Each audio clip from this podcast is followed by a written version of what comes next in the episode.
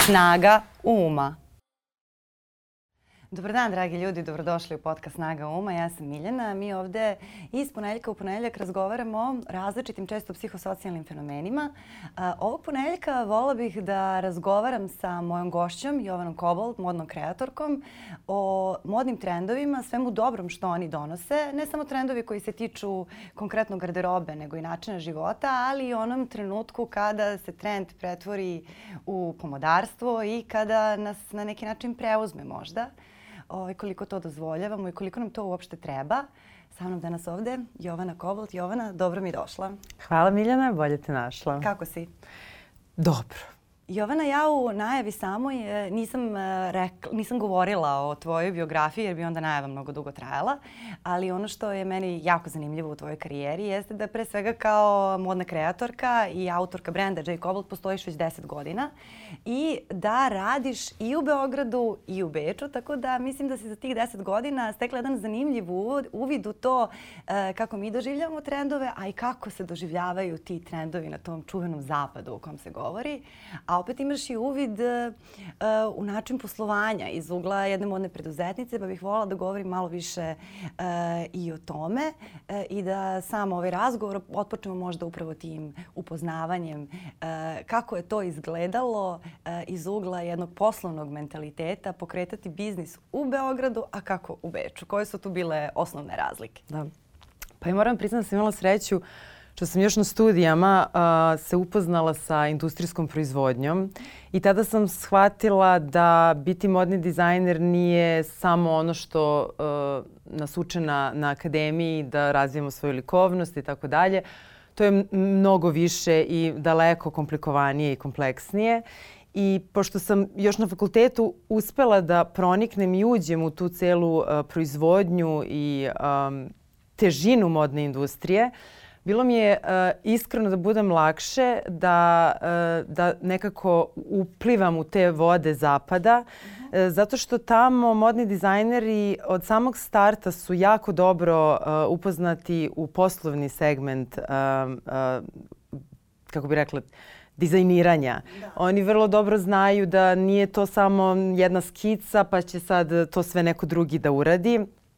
E, naučeni su da od svoje skice do gotovog proizvoda ceo proces prođu uh, samostalno i uh, tada sam shvatila da uh, mora mnogo, mnogo da se radi i uh, zaista da se nauče svi segmenti od toga da ste vi kreativna osoba koja želi nešto da stvori do toga da bukvalno znate kako da baratate sa fiskalnom kasom.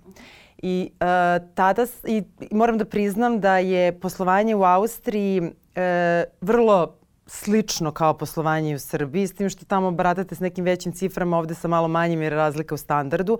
Ali što se tiče poslovanja, to je manje više jedna vrlo slična uh, priča.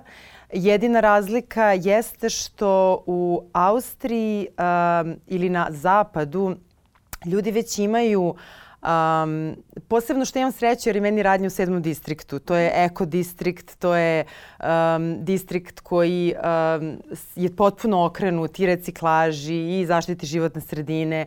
I samim tim ako ste vi tamo pozicionirani kao mali brend, u suštini kao mala proizvodnja, vi ste već dobrodošli, svi vas vole. Zato što oni ne žele brzu modu, oni su se već zasjetili svega toga, obrnuli su što bi se reklo krug, svesni su šta je održivo. Tako da čim oni znaju da ste vi neko ko posluje sa uh, e, 20 ljudi u okruženju i da je to cela vaša priča, vi ste samim tim mala proizvodnja, mali brend i ne možete da pravite, mislim, nemoguće pravite milione. Vi da. samim tim pokrivate svoju porodicu, porodice svojih zaposlenih i to je nešto što je održivo, što je etički i ekološki i vrlo ste dobro došli. Sa druge strane, Beograd moram da kažem da je a, mnogo više orijentisan modno.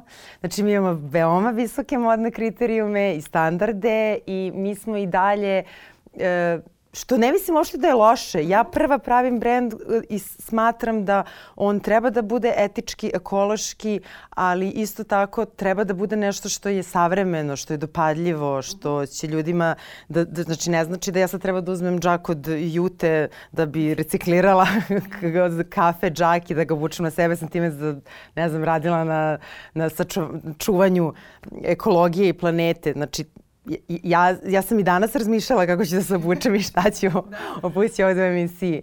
Zato kažem, ovde je možda malo zahtevnije u smislu što a, tek a, treba da se a, obrazuje u potrošači da, um, da ova brza moda i masovna potrošnja koju sad imamo jednostavno nije održiva. I to je ono što je u stvari glavni ključ. Uh, a, mi nećemo moći, hteli mi to ili ne, ali to je realnost koja nas čeka i jednostavno masovna potrošnja nije održiva i nije održiva ni ekonomski, nije održiva ni po pitanju ljudskih resursa, nije održiva ni po pitanju uh, resursa, uh, kako bih rekla, uh, ekološki više nije održiva. Znači, nemamo više prirodne resurse. U smislu i za proizvodnju materijala se troši jako mnogo vode, pritom za otpad materijala opet ta polijestarska vlakna završavaju u vodi. Tako I to je deo te priče da su nam u krvi pronašli mikrovlakna, plastike. To, je, to su ta mikrovlakna koja nastaju kada peremo sintetiku, ako tako sam dobro je, tako razumela. Je. E sad, e, kod nas tek dolazi taj trend organske mode, tako da nisam sigurna do koje mere je on mogao da, da se deformiše i da preraste u pomodarstvo. A da li se to desilo u Beču? Da li ne ilaziš na te neke ljude koji preteruju? Kako to izgleda? Kako izgleda kad se organska moda i održivost uh, pretvore u, u dijagnozu? Ovako, ja svakako smatram da e, svest o organskoj modi je dobra, pa makar prešli u pomodarstvo. Dobre. Znači, to je ono što ja želim da, da, da uh -huh. potenciram. I uh, u Austriji vi sada zaista vidite, mislim ja ne mogu pričam dalje u Evropi, mogu da se fokusiram samo na, na, na Austriju jer mi je to tržište ko, kojim manje više do nekle vladam. Um, tamo uh, su ljudi uh, svesni toga da mi ne možemo da uh, se, da, da ne možemo da kupujemo više toliku količinu garderobe. Prosto nemoguće. Znači staće kako god mi hteli, ne hteli. I onda uh, oni dolaze do toga da rade puno na sebi, na svojim potrebama, na tome da im je zdravom telu, zdrav duh i tako dalje. I Uh, onda se vraćaju nekim, kako bi se reklo, na primjer ja u sedmom distriktu često srećem ljude koji sede u kafiću sa svojim tabletima, laptopovima i tako dalje i štrikaju. I sad neko će da kaže šta sad? sad. da, šta ćemo sad? Ali um, koliko god to meni delovalo bizarno u tom momentu, ja sam opet srećna što ta devojka je uzela i, i štrika. Jer mi sada imamo roditelji koji su fascinirani time što njihova deca prelaze, ne znam, neke igrice na petom, šestom, sedmom nivou i time se meri ta neka inteligencija. Ali evo dajte sad nekom osnovcu da proba da nešto iskekla. To je zaista jedan uh, težak, kompleksan yes, posao. Da. Mi, smo zabo mi koristimo palčeve, zaboravili smo da koristimo ruke ali to, to će morati, hteli, ne hteli, da se vrati. Mi ćemo morati da naučimo da ušijemo dugme. da, da, ponovo, ali to je da. zanimljivo. Da. To je stvarno zanimljivo da, da Mislim, ljudi sede o, u kafiću, pričaju, štrikaju. To jest, je i štrikaju. super. Da, to je super. To je super. To je, u momentu sam super, se onako da. bila iznenadila, onda sam rekla, ok, to je super. Jeste, da, bo, bolje nego da sediš uh, i da, i kao prvo ti možeš apsolutno da budeš fokusiran na sagovornika dok štrikaš, što ne možeš da gledaš telefon, zato što ti da gledaš telefon dobijaš neke poruke Tako uh, stalno, Tako što reklamne, što konkretne poruke od konkretnih ljudi i tako dalje i tebi je pažnja podeljena, a ovde si kao aktivan, a... A zato to baš naglašavam, to me iznenadilo što sam videla mnogo tih nekih uh, kako bi rekla, štrikanje. Onda u radnjama često vidite, uh, na primjer, u, u Nemačkoj u jednom momentu bilo vrlo popularno da se kupuju vuneni džemperi koje je, ne znam, štrikala baba Jovanka iz, ne znam, rata ugroženog područja i tako dalje. I vi ako kupite taj džemper koji je zaista imao visoku cenu, vi ćete cijelom tim pomoći dotičnoj baki i tako dalje. I sad to je isto do nekle moglo da uđe u pomodarstvo i u trend i tako dalje.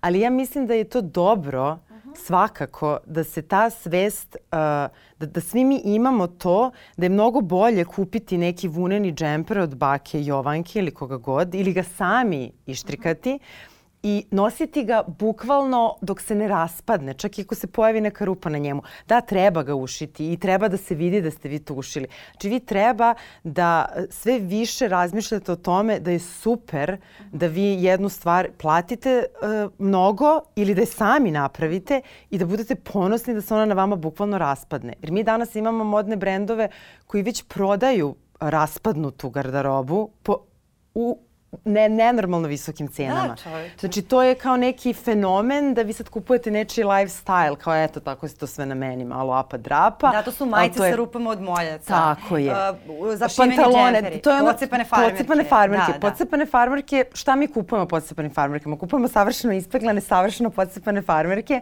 i kao kupujemo nečiji ono lifestyle Jeste, nekoga koji je bio... Jeste, kad se pocepaju više ti ih baciš zato što više nisu pocepane Tako onako je, kako ste vi zamislili.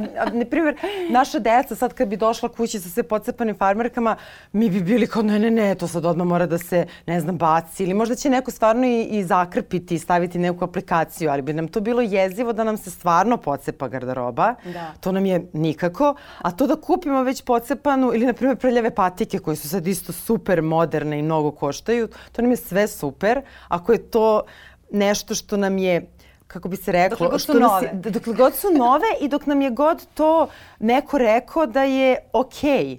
Znači, mi, to je ono što ću kažem, ne, ja polazim i od sebe, identičnu mhm. -huh. priču i ja radim.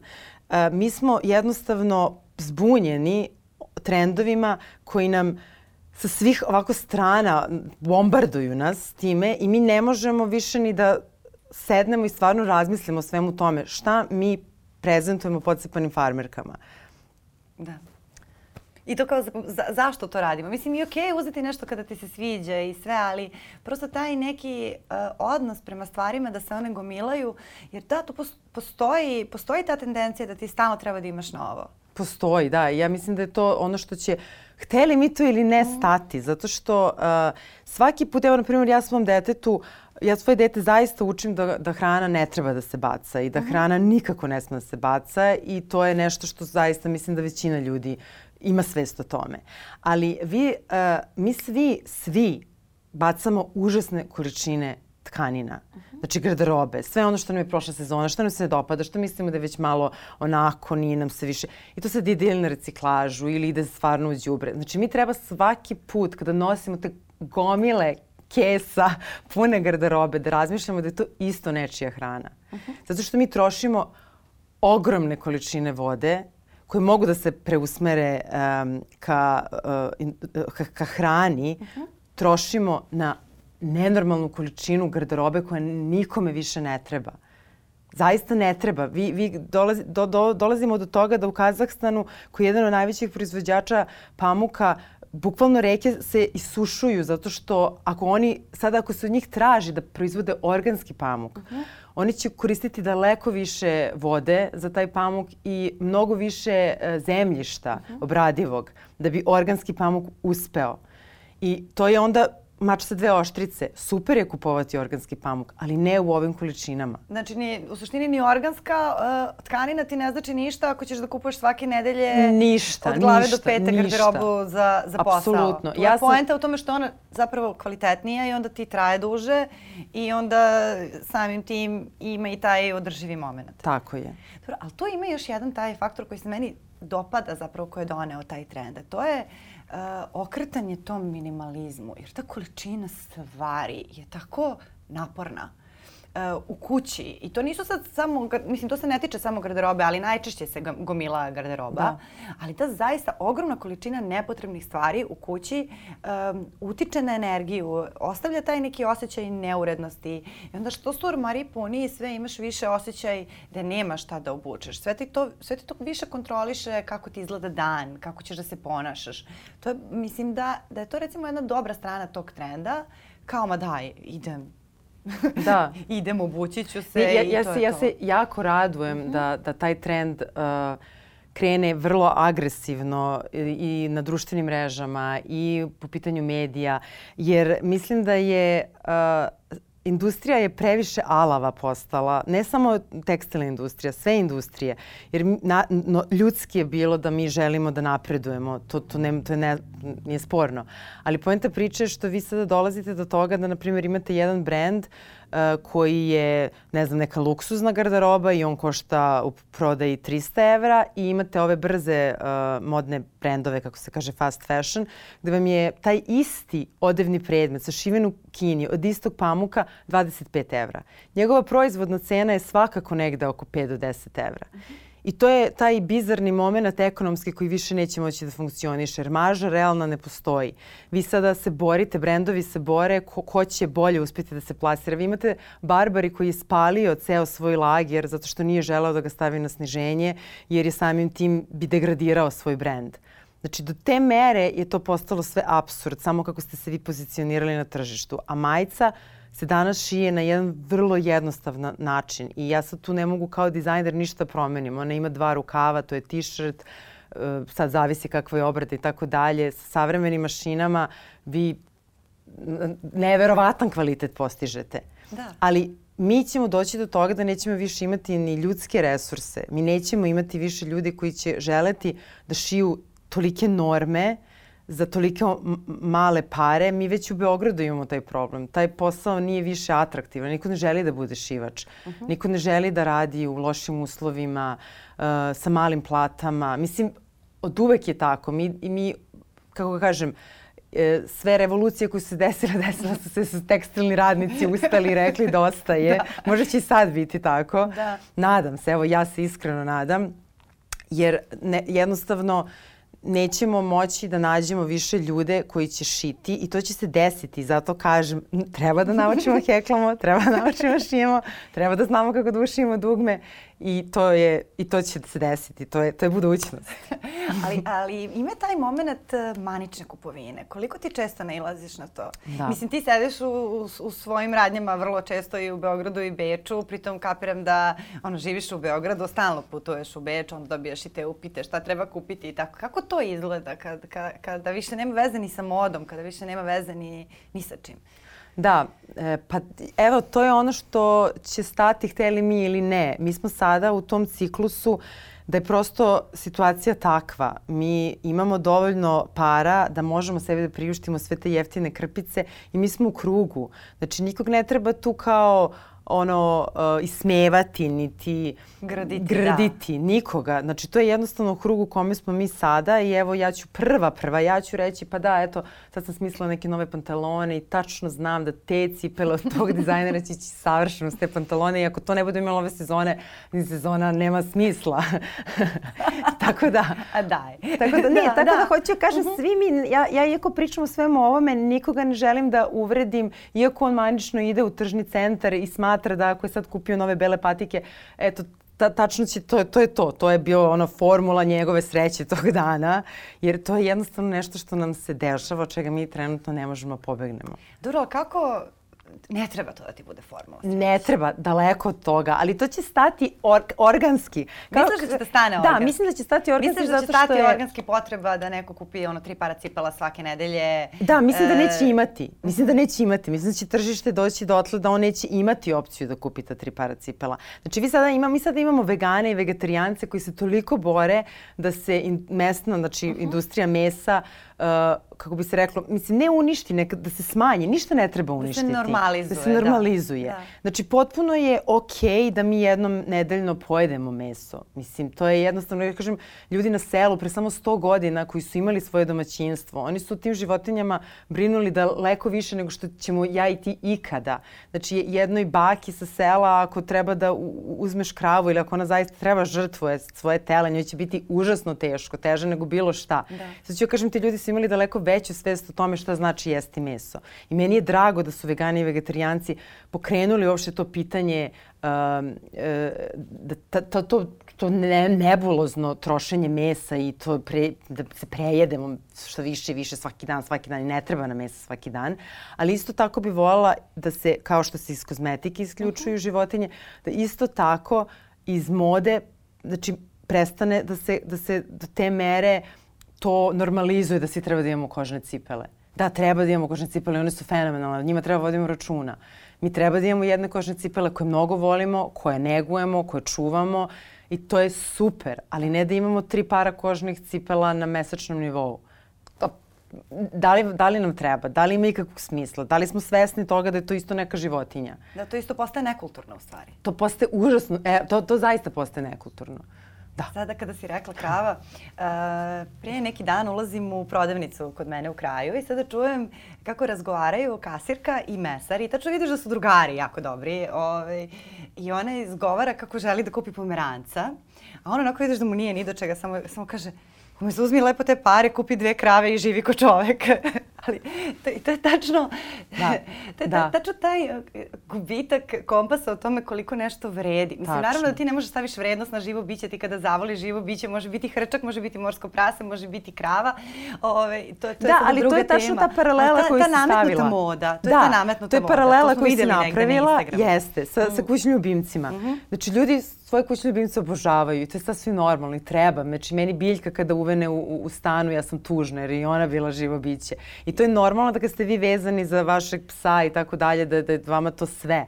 Ali hoću ja kažem, ljudi koji, su, koji žive na selu, koji imaju domaćinstvo i ta, ta, ta posvećenost životinjama koju oni imaju, verujte mi, redko ko ko ima pudlu na vračaru može da, da, da, da poredi. Jer zaista oni, oni odgajaju tu životinju od rođenja kroz ceo, ceo život i zaista joj daju sve što imaju. Da, mi projektujemo svoje probleme na svoje pudle ceo život. Da, malte ne. da. Mislim, to, ne, to je predivno. Ja mislim da je to super. Da. Ja nemam ništa protiv pudla savačara, da se razumemo. Ali to, ali to isto nije naivno. Ti kao kada, kada, kada uzimaš uh, kućnog ljubimca, nije, mislim, to, se, to ljudi nekad radi sa decom, a to je tek ono dodatni problem. Da. sad kao uzmeš kućnog ljubimca da te malo smiri. Pa mislim, nije, nije posao ni jednog živog bića da te smiri.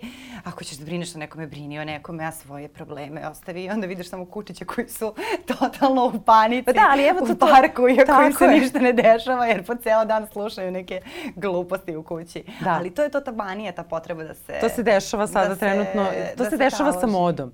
Mi smo mhm. jednostavno sad programirani zato što smo naučeni da bez nove garderobe za novu sezonu uh, mi ne možemo da uđemo u tu novu sezonu. Mi se osjećamo loše, mi se ne osjećamo sveže, mi to je, to je taj, taj, taj neki, samo što je to sad preterivanje. Uh mhm. -huh. Ali e, koliko ti garderobe imaš? Zato što ti imaš svoju proizvodnju. Ti saista možeš da imaš garderobe više nego što može da ti stane u, I sve što ti pade na pamet možeš da napraviš bukvalno. Mislim, to tako u suštini izgleda. Jest, ti jest, ti da. da. možeš da uzmeš da nacrtaš, da vidiš Gucci jaknu, ne znam, barem pantalone, šta god, da vidiš više manje, ti to možeš sebi da napraviš vrlo brzo i sama da sedneš da šiješ i da ga sama nacrtaš i tako dalje. A koliko zapravo ti garderobe imaš u opticaju kod sebe? Za svoje potrebe? Da, znači. pa ja s obzirom da, mislim, ja sad pričam iz per perspektive mm -hmm. uh, nekog ekologa, a u suštini imam modni brend da. ja sam ta koja treba ljude da Vrlo, da nama mi da, modom, da. da.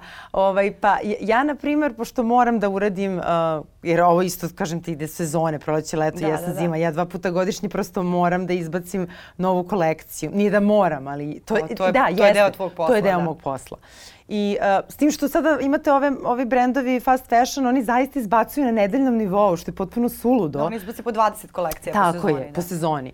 E sad ja, pošto ipak sam se svela samo na dve, proleće, leto, jesen, zima, ja dok radim te uzorke i dok razmišljam o uh, modelima, o trendu, o tome šta želim da kažem u kojoj mhm. sezoni, uh -huh. ja već kroz sve te uzorke sebi uh, sebe obučem za novu sezonu. Iz tog razloga, pošto toliko puno razmišljam i o materijalu, i o modelu, i o toj održivosti, i o tome da li će se to uklopiti sa prethodnom kolekcijom. Ja sam već zakružila taj ceo krug i sada kad bi mi neko rekao ajde da odeš sa mnom do tržnog centra, pogledamo ovo, da li je ovo modi, da li je ovo, ja bih bila zaista umorna i jesam. Uh mhm. -huh. I umorna sam i nisam raspoložena i već znam jer sam već istraž, istražila tržište, već sam videla prethodne sezone šta će biti sada u radnjama i tako dalje. Iz tog razloga nisam uh, adekvatna osoba po tom pitanju mm -hmm. da idem i jurim da vidim šta se novo pojavilo u radnjama. Da, ali to, to nije neka ogromna količina. Ti nemaš te ne, garderobere ne, u koje ne, uđeš pa kao ne, sediš i meditiraš Ne, tu. nikako, nikako. Mislim, ja sam toliko zatrpana garderobom da ako mene pitaš, ja bi svog stana izbacila. da, ovaj, ali to ali jeste i odlazak u tržni centar je malte, malte ne kao neki porodični izlet. To se ide yes. vikendom, lepo yes. vreme, nema veze, kao idemo, vodimo decu u tržni centar da gledamo stvari, da kupujemo, Tako da je. kupujemo stvari. Tako je. I ali kad kupiš nešto ne... lepo se osjećaš, ali Tako je, ali ja ne krivim ni to. To je mhm. jednostavno neki, kako bi rekla, to je to je nešto u što smo, u što smo uleteli. Mi, te tržne centre imate na svakom ćošku, prodavnice imate, vi ovako idete ulicom i, i, i bukvalno vas gađaju garderobom. Tako da vi hteli, ne hteli, vi morate da, da odete. Da, dete, trebamo nove patike za fizičko, trebamo sada ovo za, ne znam, nastup, ne znam, moje dete ide na dance, trebamo ovo za dance, onda se to pravi mi, život u kome mi živimo u gradu zahteva zaista potrošnju. Ali mislim da će e, doći do toga da će biti sasvim ok i sasvim super i sasvim poželjno da se garderoba dečija nasleđuje. Ja to apelujem konstantno. Ja prva volim da poklonim garderobu svog deteta nekom svom prijatelju i tako dalje. Jer to, to su stvari koje su, dok su deca mala, koje se ne habaju, ne troše, uh mhm. -huh. prosto lepo je nasleđivati. I zašto? Evo u Britaniji, ja mislim, 300 hiljada kilograma e, tkanine se baca godišnje baca. Da, to je nepotrebno. A na primjer za jednu majicu vam treba, ne znam, 2.500 litara vode. Za jednu majicu. Od toga kad se pamuk zasadi do toga... 2.500 litara, litara vode, vode treba da se napravi jedna pamučna majica koja košta 700 dinara. 300. koja stiže pritom iz negde sa, iz Azije i sam taj, samo, samo o tome treba da razmišljamo da li je moguće da je samo transport uh -huh Da li transport je la, lažan u celoj toj priči? Jer je nemoguće da samo transport bi trebao da košta ne znam koliko, a ta majica ovde kod nas u prodaji košta 5 evra. Da.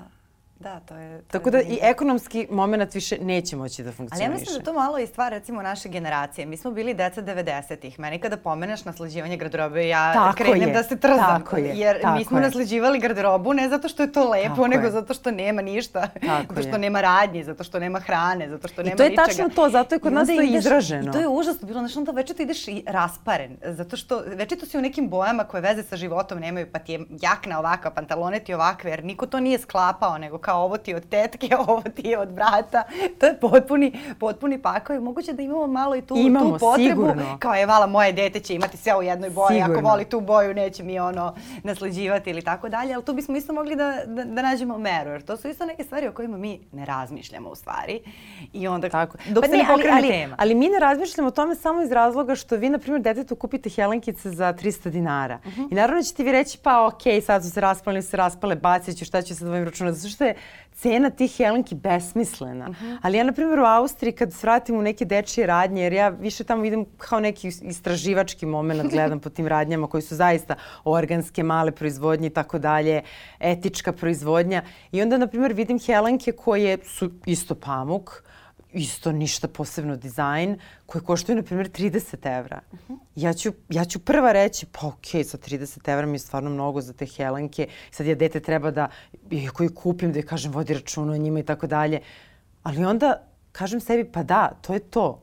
Možda ona jeste i koštaju 30 evra zato što je to jedna mala proizvodnja, proizvodnja koja opstaje u evropskim uslovima sa evropskim standardima, znači to je plata mnogo veća. Uh, i ti radnici koji su to šili treba budu srećniji, a ne da šiju za ono, ne znam, šaku pirinča. I onda to košta 30 evra i vi smo detetu treba da date do znanja da i garderoba kao i hrana, kao i sve, da treba da ima vrednost, da treba da vodiš računa o tome. Jednostavno to je nešto što to što će, da što, će, što, će naše, da. što će naše generacije, mi sada trošimo ono što nam nije namenjeno, što ne bi smeli da trošimo. I generacijama iza nas ostavljamo da budu bez toga. Znači, oni gube resurse, e, prirodne resurse. Nenormalna količina nafte se koristi za polijester. Ja uvek kažem, nije problem nositi polijester, ali umereno, sve umereno. Mi nemamo prava da koristimo toliko puno polijesterskih džempera, zato što je na, jedan od najvećih zagađivača okeana taj polijester u tkanini. Ne, nemamo, jednostavno nemamo pravo. Nemamo pravo zato što će naša deca i njihova deca posle zbog toga patiti. I, i, jer mi, industrija je sama shvatila da nije održiva. I to je, to je poenta priče. A kako će to, mislim, šta sad? Misliš da će sada ti neki ogromni lanci koji imaju radnje na po četiri sprata u tim e, pompeznim tržnim centrima samo jednog dana reći kao, izvinite gospodo, ali... ne, neće reći jednog dana. Ništa ne može se desiti jednog mhm. dana. Znači, to je sad proces. Mi više de, nećemo de, da zarađujemo milione, nema vode. Tako je, alava industrija je shvatila da nije održiva i da više ne može da nastavi i krenut će do toga da mi više nećemo imati resurse. Znači 2,5% obradivog uh, zemljišta na celoj planeti se koristi za proizvodnju uh, tkanina. Uh -huh. E, užasna količina vode. E, to sve e, nam, nam ponestaje E, toliko smo zagadili e, obradivo, obradivu površinu e, sa svim hemikalijama koje koristimo, tako da ćemo mi, e, hteli, ne hteli, smanjivaće se znači, prirodni resurs pamuka, lana. E, nećemo imati ljude koji će to moći da šiju. Da. Jednostavno ne, neće Ušli postojati. Smo u Ušli smo u crveno i samim tim će to sve morati. Evo ja danas kada tražim uh, neke materijale na tržištu, oni kažu toga više nema ne, ne možete, nema. I to je to. Samo neće biti. Samo ga neće biti. da. Dobro, i to onda znači da, da i ta, tu neku naviku kupovine koja strahovito lako postane kao neka vrsta terapije. Mislim, i, i to, to uopšte nije sada, nije sada nikakva šala, ali to kao shopping terapije, da, osjećaš se, osjećaš se loše, pa ćeš da odeš da kupiš uh, sebi par garderob, par stvari i onda ćeš da obučeš tu garderobu i onda kao odjednom dođe neka nova energija. To nije sada ništa sada tragično, to nije... Ne, mada može da, ne, mada može da pređe ne. u, u ali fanatizam. Ja samo, ja, ja samo kažem... Ali kao, to može da pređe u fanatizam, da, odmah kao da. samo sam to htela da, da se nadovežem i u tom slučaju nije dobro kada te neka navika obuzme, kada ti preuzme kontrolu nad životom, tada postaje fanatizam, kada ti ne možeš bez toga. Ali da, možda bismo zaista mogli da, da i tu naviku promenimo, da prosto raz, krenemo da razvijamo tu neku ja kažem, svijesti ova naša generacija. Da, možda ne treba da mhm. menjamo, možda mi treba da se obradujemo svakom novom krpicom. Uh mhm. -huh. Ali pojenta priče što ćemo mi e, taj neki džemper koji je ištrikan ručno platiti uh, 300 evra da. i biti potpuno zaljubljen u njega i toliko ga voleti, toliko ga dugo nositi i svaki dan imati dobru energiju u njemu. Znači to je nešto na čemu uh, treba da uh, se, na čemu će krenuti da rade i mediji i modni blogeri i mreže društvene. Znači to je nešto što ćemo morati da, da naučimo ljude da je to super. Da, i to je i bilo super. Ja to imam neke džempere od moje mame koje ona ima bezmalo 35 godina koji su danas isti. Oni su isti, pritom to su beli končani džemperi, to nisu ti teški vuneni džemperi koji, da, da, koji da. se ne peru često. To je džemper koji jednom obučeš i prosto moraš da ga opereš odmah, iako je na pola yes. sata jer je beo, on je osetljiv. Kao, kao, na primjer, kao na primjer za Levis 500 Cats, kada da. su se pojavile, papreno su koštali mi smo ih stvarno nosili do, do momenta dok se ne raspadnu. Da. Pa smo onda koristili one postave iz džepa, pa smo time pokušavali da zaštepamo i tako dalje. Tako je nastao taj trend. Tako je nastao taj trend. A to sam baš htjela da napomenem, na primjer, koliko sam bila oduševljena sa uh, Angelinom Jolie koja je, na primjer, svoju decu obukla u redizajn svojih vintage haljina na premijeru filma. Uh -huh. Jer ona je samim tim neko ko, ko, kako bi se reklo, je javna ličnost i ona treba da daje primjer. Ona je dala primjer da je okej okay nasleđivati, da. redizajnirati. Imamo sada i u Srbiji ovde puno nekih brendova koji rade na redizajnu, što mislim da je super. I to je neko osveženje nekog, nekog jako dobrog komada garderobe. Da, mislim da, mislim da taj moment koji mi imamo ovde u Srbiji da garderobom uh, pokažemo i neki status i da se pozicioniramo u društvu i tako dalje. Toga, na primjer, u Austriji nema. Oni su toga Oni imaju realan status. Oni su potpuno, potpuno im je to nebitno da sad ako imaš neki brend ili neku marku ili tako nešto da će to da, da ukaže da ti ne znam, se u, krećeš u takvim i takvim krugovima. Kod nas je to daleko izražajnije, ali i to mislim da će uh, da ćemo nekako prevazići taj moment, da ćemo evoluirati od toga. Dobro, da, da, deo statusa je i biti modni kreator. D danas da. Kako si prevrnula očima. E, kako to funkcioniše? Kako taj ceo koncept izgleda? Da. Jer to je isto gubitak te filozofije. Jer sad, mi, mi ovde sve vreme govorimo o garderobi, ali kroz jednu prizmu koja se zapravo ne tiče samo garderobe, koja se tiče mnogo, jednog mnogo, mnogo šireg polja delovanja i toga šta nas usrećuje, šta nas ne usrećuje, koliko imamo svest o planeti, koliko imamo svest o tome e, šta je za, zapravo važno, u čemu pronalazimo svoj dobar osjećaj, da li je stvarno parče krpe nešto što zbog čega treba da što treba da ima toliku moć nad našim raspoloženjem, pa da idemo dalje. Uh, tako da meni ova tema, koliko god da jeste modna, mnogo mi je šira od da, modne. Da, da, A, ali opet sa druge strane ti i dalje imaš ta, tu, tu tendenciju u Srbiji da, da se bude Gucci. da, da, da, slažem se.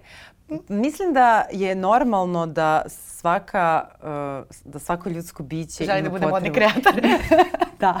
Ne, želi da stvara. To je mhm. sasvim normalno, to je sasvim okej. Okay. Umetnici uh, prosto imaju verovatno malo uh, više razvijenu maštu i od te svoje neke potpuno lude ideje uspevaju da, da je pretvore u realnost. Uh -huh. I to je ono što umetnika uh, razlikuje od nekoga ko samo ima ideju, a ne može da ga, da ga nekako proizvede. Uh -huh. Tako da mi u stvari proizvodimo sve neke naše uh, zamisli koje su, ne, ne, mi stvaramo nešto novo. Uh -huh. I to je jedna kako bi se rekla, jedno, jedna lepa stvar, jedna produktivna, jedna dobra stvar. I svako od nas uh, u sebi želi da nešto stvori, zar ne? Pa da, većina ljudi e, da sada, ima sada, tu. Pošto, sada pošto smo došli do toga da su modni dizajneri, modni brendovi i tako dalje, da je to sad trenutno neki kao trend i neka manija oko svega toga, vi imate puno nekih um, uh, ljudi sa možda nekim e, potencijalnim investitorom ili ljudi koji imaju dosta para nezavisno i onda shvate da u jednom momentu bi oni trebali da se oprobaju u tome da zaista neku svoju ideju, svoju zamisao pretvore u, u gotov proizvod. I ja imam dosta uh, upita takvih uh, uh, takvih kreativaca, kako bih rekla. Uh, za neku... si fina, si popila neki bromozepam ne. emisije. ne, ja potpuno to razumem, ja shvatam, ja, ja, sam, ja, ja volim kad neko želi nešto da mhm. uradi i ja prva polazim od te ideje, ajde da probamo, ajde da probamo, šta god, ajde da probamo. Ali onda dolazim do toga da meni, na primjer, neko predoči već postojeće skice, postojeće fotografije, nešto što već postoji na tržištu i onda mi kaže, pa okej, okay, ja ne mogu ništa novo smislim, to je to, ali ja želim da imam modni brend. Kao ove Valentino pantalone one. E, da, na primer. Da. Znači to je već sve napravljeno i šta sad ja to mogu da smislim, ali ja želim da imam svoj modni brend i evo da li možeš da mi pomogneš da to se provede u delo, da se urade modeli, da se urade krojevi, da se uradi proizvodnja, da ja njima u stvari tehnički deo posla odradim. I neki takvi brendovi zaista i uspeju, zato što ti ljudi koji nemaju toliko kreativnosti, sa druge strane imaju, uh, imaju možda neki osjećaj za biznis. Uh -huh Uh, I onda to tako nekako preraste u zaista neki fenomenalan brend koji da. svi odjedan put žele. Da, ali mislim ima dobrih, ja isto nisam, ne smatram da sada to, ta diploma je jedini ne, ulazak ne. Pritom, daleko. naročito što recimo kod dizajnera Nakita, e, zaista u tim galerijama možete da nađete na neverovatne kreativce. Sad kažu kao ova žena uopšte nije dizajnerka, ona je zubarka, a vidiš da. pravi nešto fenomenalno potpuno. Okay. I to je super, ali prosto to je ta potreba da se, da se, da se predstavimo kao kao nešto, nešto što nismo.